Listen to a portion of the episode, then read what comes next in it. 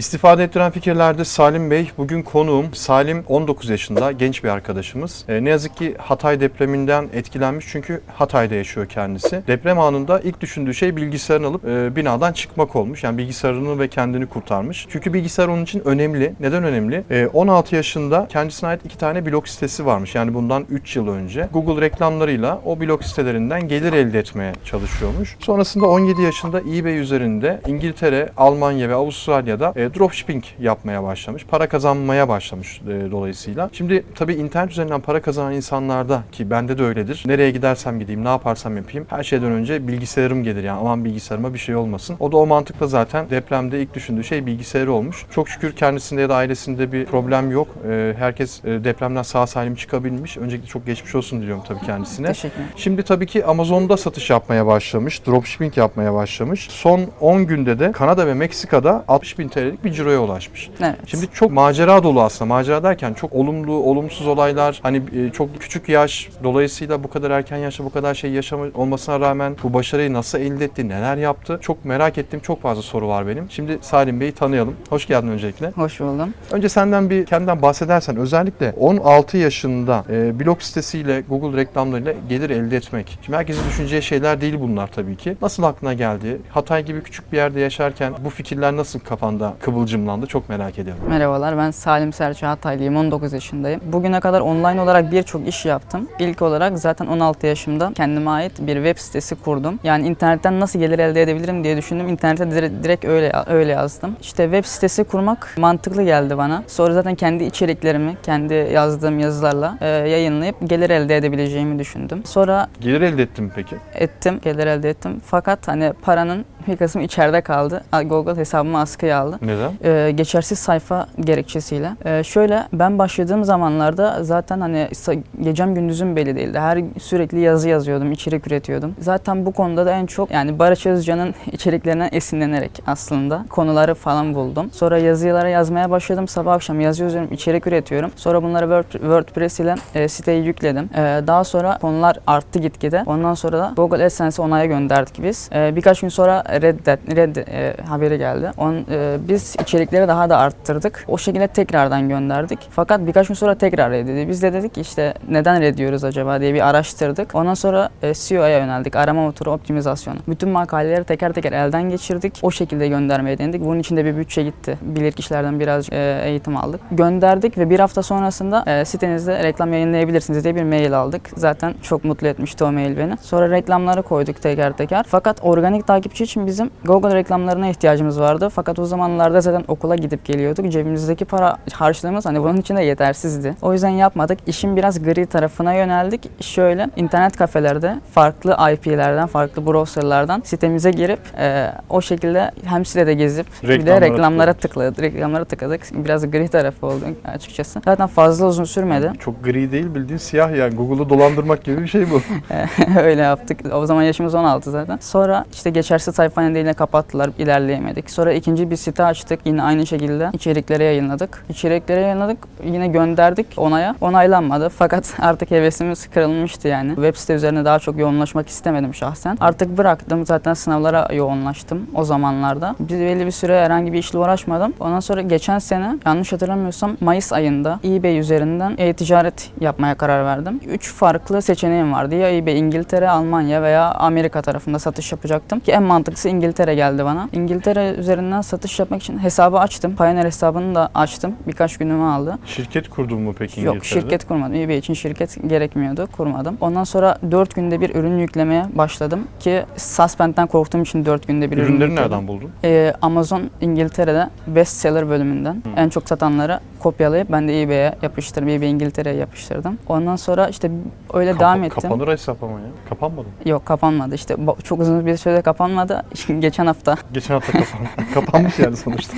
evet geçen hafta eBay İngiltere tarafı kapandı. Zaten İngiltere hesabını açtıktan sonra bir ay sonra sınavım vardı üniversite sınavı ona hazırlandım ona girdim. Ondan bir ay sonrasında da eBay Almanya'ya giriş yapmaya karar verdim. Almanya'da daha daha hızlı sonuç al- aldım. Satışlar daha fazla geldi. Yani eğer- yani çok yüksek bir ciro yapamadım hiçbir zaman ama hani harçlığımı çıkartabiliyordum en azından online olarak iş ticaretten. Daha sonra eBay ile devam ettim. Hani hesabımın küçük olmasına rağmen ay sonuna doğru bu dördüncü çeyrek Q4 dediğimiz zamanlarda yine güzel bir satış yapabilmiştim. Daha sonra Ocak ayında ben artık hani eBay ile sınırlı kalmasını istemedim açıkçası. Amazon'a da girmek istedim fakat şirket şart olduğunu biliyordum. O yüzden kafam karıştı biraz daha fazla araştırdım, daha fazla araştırdım. Sizin daha önce bir konuğunuz vardı. Şimdi isim vermek istemiyorum. Kendisiyle iletişime geçtim ben. Kim? Ya verebilirsin sorun değil. Konuk sonuçta gelmiş buraya. Yani ismini şu an ben de hatırlamıyorum desem yeri hatırlamadığın için vermek istedim. tamam okey. iletişime geçmiştim. Sonra aradı telefonla konuştuk falan. 500 dolar talep etmişti yanlış hatırlamıyorsam. Hem Amazon eğitimi hem de yazılım ücretleri için. Ki o zamanlarda hani okul bitti ben çalışıyorum bir iş yerinde fakat onu karşılayabilecek güçte değilim şahsen. Daha sonra biraz daha araştırdım. Başka birinin eğitimini gördüm. Yine piyasada olan isim, isimlerden. Eğitimini Shopier üzerinden satıyordu. Dikkatimi çekmişti. Şahsen yine 6 ülkeye satış yapıyordu ve fiyatı daha uygundu diğer arkadaşa nazaran. Ondan sonra aileye de danıştım. İşte arkadaşlarıma da danıştım ki hani almaya karar verdim. Almaya karar verip artık Shopier'e geçtiğinde artık ürünün stokta olmadığını gördüm. Kaldırmış, kapatmış, bitirmiş. Ee, adama mail attım fakat geri dönüş alamadım. Sonra biraz daha araştırmaya başladım. Sonra bir yazılım şirketinin eğitimini gördüm. Ya sitesine girdim önce. İşi yapanlardan artık o siteyi gördüm gözüm aşina oldu. Siteyi gördüm. Eğitimini gördüm orada. Orada da 200 dolardı yine yüksek bir fiyat değil makul bir fiyat. Alabileceğimi düşündüm. O gün de sitede seminer vardı akşamına. Seminer düzenliyordu. İşte kaydoldum ben de. Akşamına yine seminere girdim. Ee, bayağı dinledim, anla, anlattılar, iyice dinledim ve almaya artık kararlıydım. Güven, güvenimi de yani kazanmıştı. Artık e, bir de şey yayında 200 dolarlık eğitimi 40 dolara düşürmüşler. 100 kişiye özel. Hemen ben de o anda kredi kartı bilgilerimi falan giriyorum. Satın aldım eğitimi. Daha sonra e, aldım e, şey eğitimlerini almaya başladım, başladım izledim. Fakat Amazon'a imzasız kimlikle girilmiyordu. Daha sonra işte gittim nüfus müdürlüğünden randevu aldım. 4 gün sonrasına gittim. İşlemleri hallettim. 10 gün bekledim artık. O da benim işimi biraz uzattı. Kimlik geldi Pioneer için. Pioneer hesabım vardı zaten eBay kullandığım için. Amazon hesabını aç, açma sürecine başladım. O da yaklaşık bir 4 gün kadar aldı. Açıldı. En son her şeyi hallettik. Artık ürün yüklemeye başlayacaktım. Yazılım ile ürün arıyorum. 30 Ocak'tı yanlış hatırlamıyorsam pazartesi günü ilk ürünü ürünlerimi yükledim. Her ülkeye 500 adet ürün olmak üzere toplam 3000 adet ürün yükledim 6 ülkeye. Daha sonra 2 günde bir envanter temizliği. Ee, en son pazar günü yanlış, hatırla- yanlış hatırlamıyorsam Yazılımla yüklüyorsun değil mi ürünleri? Evet tabii tabii yazılımla. Pazar günü son envanter temizliğini yaptım. Artık uyuyacağım. 5 Şubat günüydü o zaman. Ondan sonra işte e, fakat bazı sorunlardan da uyuya, uyuyamıyordum herhalde. E, telefonu şarkı açmıştım. Yastığın altına koymuştum. Böyle dinliyordum. Artık uykuya dalmayı bekliyorum. Sonra artık 4.17'de 10 ilin etkilendiği deprem meydana geldi. Sallanıyoruz. Ben hani herhalde durur dedim. Çok uzun sürmez diye daha da hızlanmaya başladı. Yatağıma iyice sarılıyorum. Artık korktum. Hiç durmadı. Ondan sonra koştum işte annemin yatak odasına. Ablam da oradaydı. Sonra işte bir kenarda hepimiz böyle sarılarak beklemeye başladık. Hatta yani gözümüzün önünde evin duvarları çatlıyordu. Her an üzerimize düşebilirdi. Fakat işte yaklaşık bir buçuk iki dakika sürmüştü herhalde. Deprem bittiği gibi hemen bütün binayı boşalttık zaten. Yıkıldı mı bina? Yani bir kısmı ikinci depremde yıkıldı. Hatta bizim durduğumuz duvar.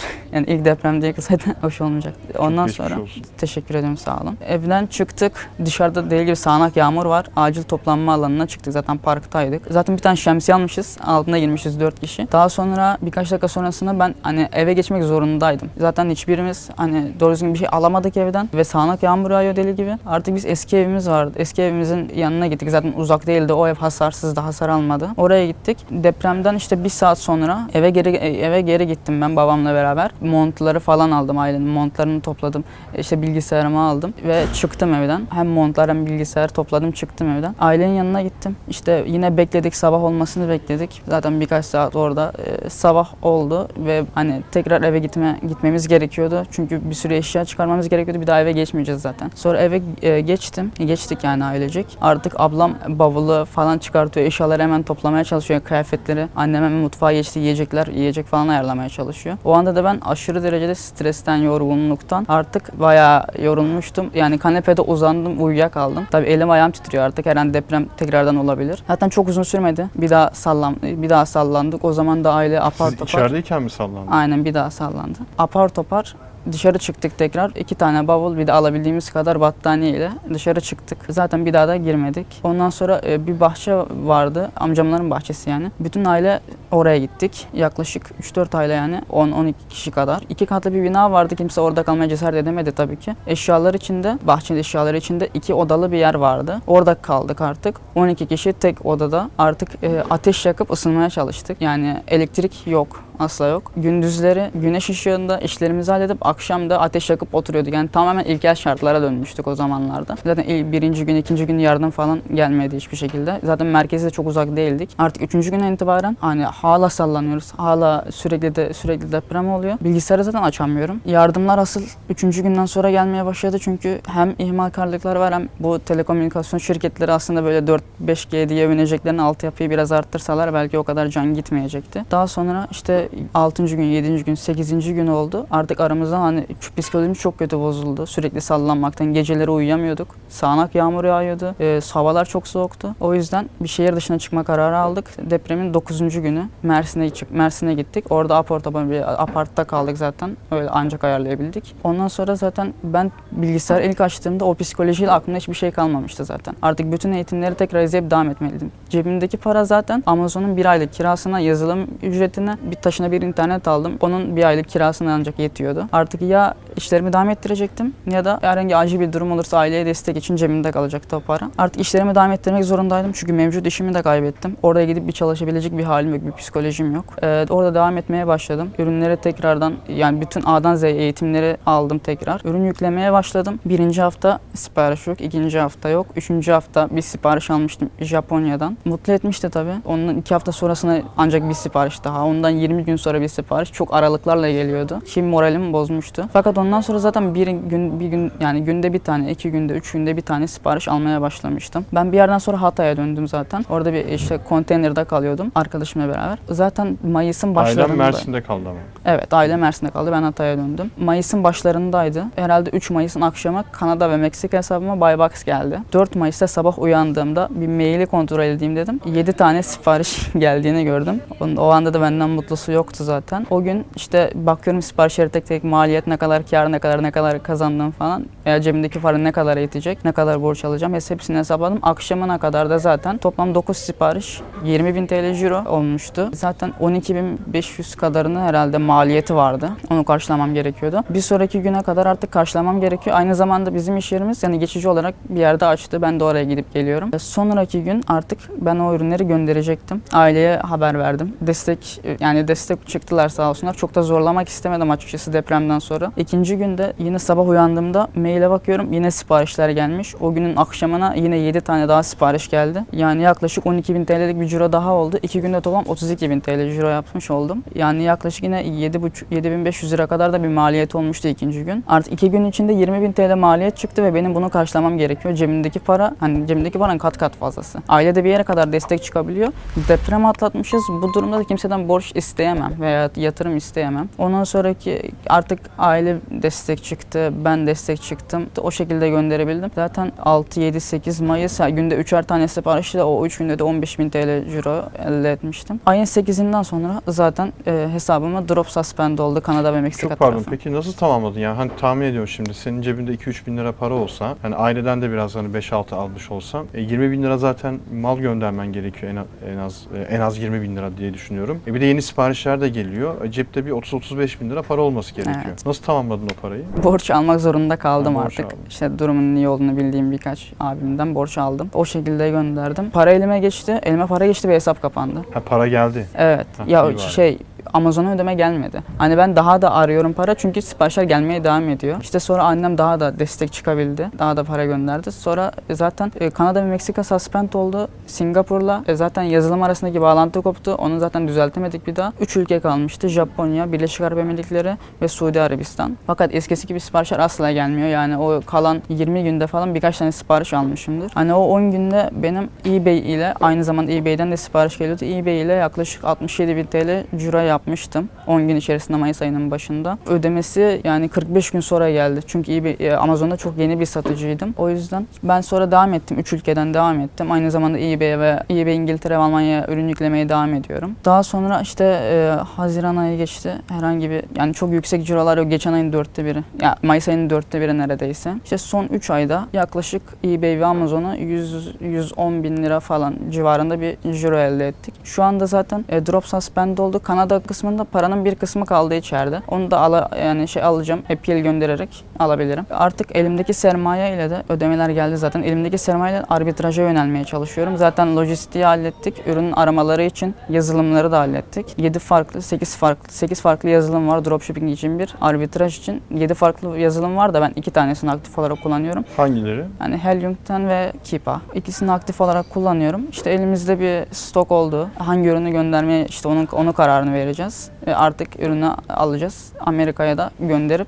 satışını oradan yapmayı planlıyoruz. İleride e, çok daha büyük planlarım var. Yani olacak da yapabildiklerim aslında bugün yani herkesin yapabildiği şeyler ama asla anlatmak istediğim olayların üstüne bu başarı. E tabii canım o psikoloji, o zorluk, o yaşananlar yani bir de sadece hani şey değil. Tamam sana bir şey olmamış depremde, ailene de bir şey olmamış, birinci derecede akrabalarına da bir şey olmamış ama yani o ortamda bulunmak, e, insanların o yaşadıkları yani çok kolay şeyler değil. Yani herkes kafasından kolay kolay atamaz. Yani biz onları yaşamadığımız için belki bize e, çok bir şey ifade etmiyor ama e, yaşayan kişilerin empatisini yapmaya çalıştığın zaman ki empati bile zor bence. e, yine çok kolay olmadığını hissedebiliyoruz. E, en azından anlayabiliyoruz. Dolayısıyla o psikolojiden çıkıp bir şekilde hayata tutunup yine de ben satış yapacağım, yine para kazanacağım. Amazon, eBay, hani buralarda iş yapmaya çalışacağım deme gücü bence bambaşka bir güç. O yüzden sen en zor olayı atlatmışsın. Bundan sonra karşına çıkacak engeller senin için şey gibi gelecek. Yani ufak engeller gelecek Evet. Hepsini atlaya atlaya ge- geçersin ama tavsiyem şu olur. Tabii ki dropshipping hızlı para kazandırır ama karlılığı düşük. Düşük olduğu için de yani bir de hemen finanse etmen gerekiyor. E, hemen finanse ediyorsun. Düşük karlılık, paran geç geliyor. E, hesap kapanırsa parayı daha da geç alabiliyorsun ya da hiç alamıyorsun. Arbitraj biraz daha mantıklı yani. En azından ürünleri alırsın. Amazon depolarına koyarsın. Oradan satış yaparsın. E, müşteri hızlı teslim alacağı için de hızlı bir şekilde cebine para gelmiş olur. En azından haftalık bir şekilde e, para çevirmeye başlarsın. Çok daha mantıklı olur.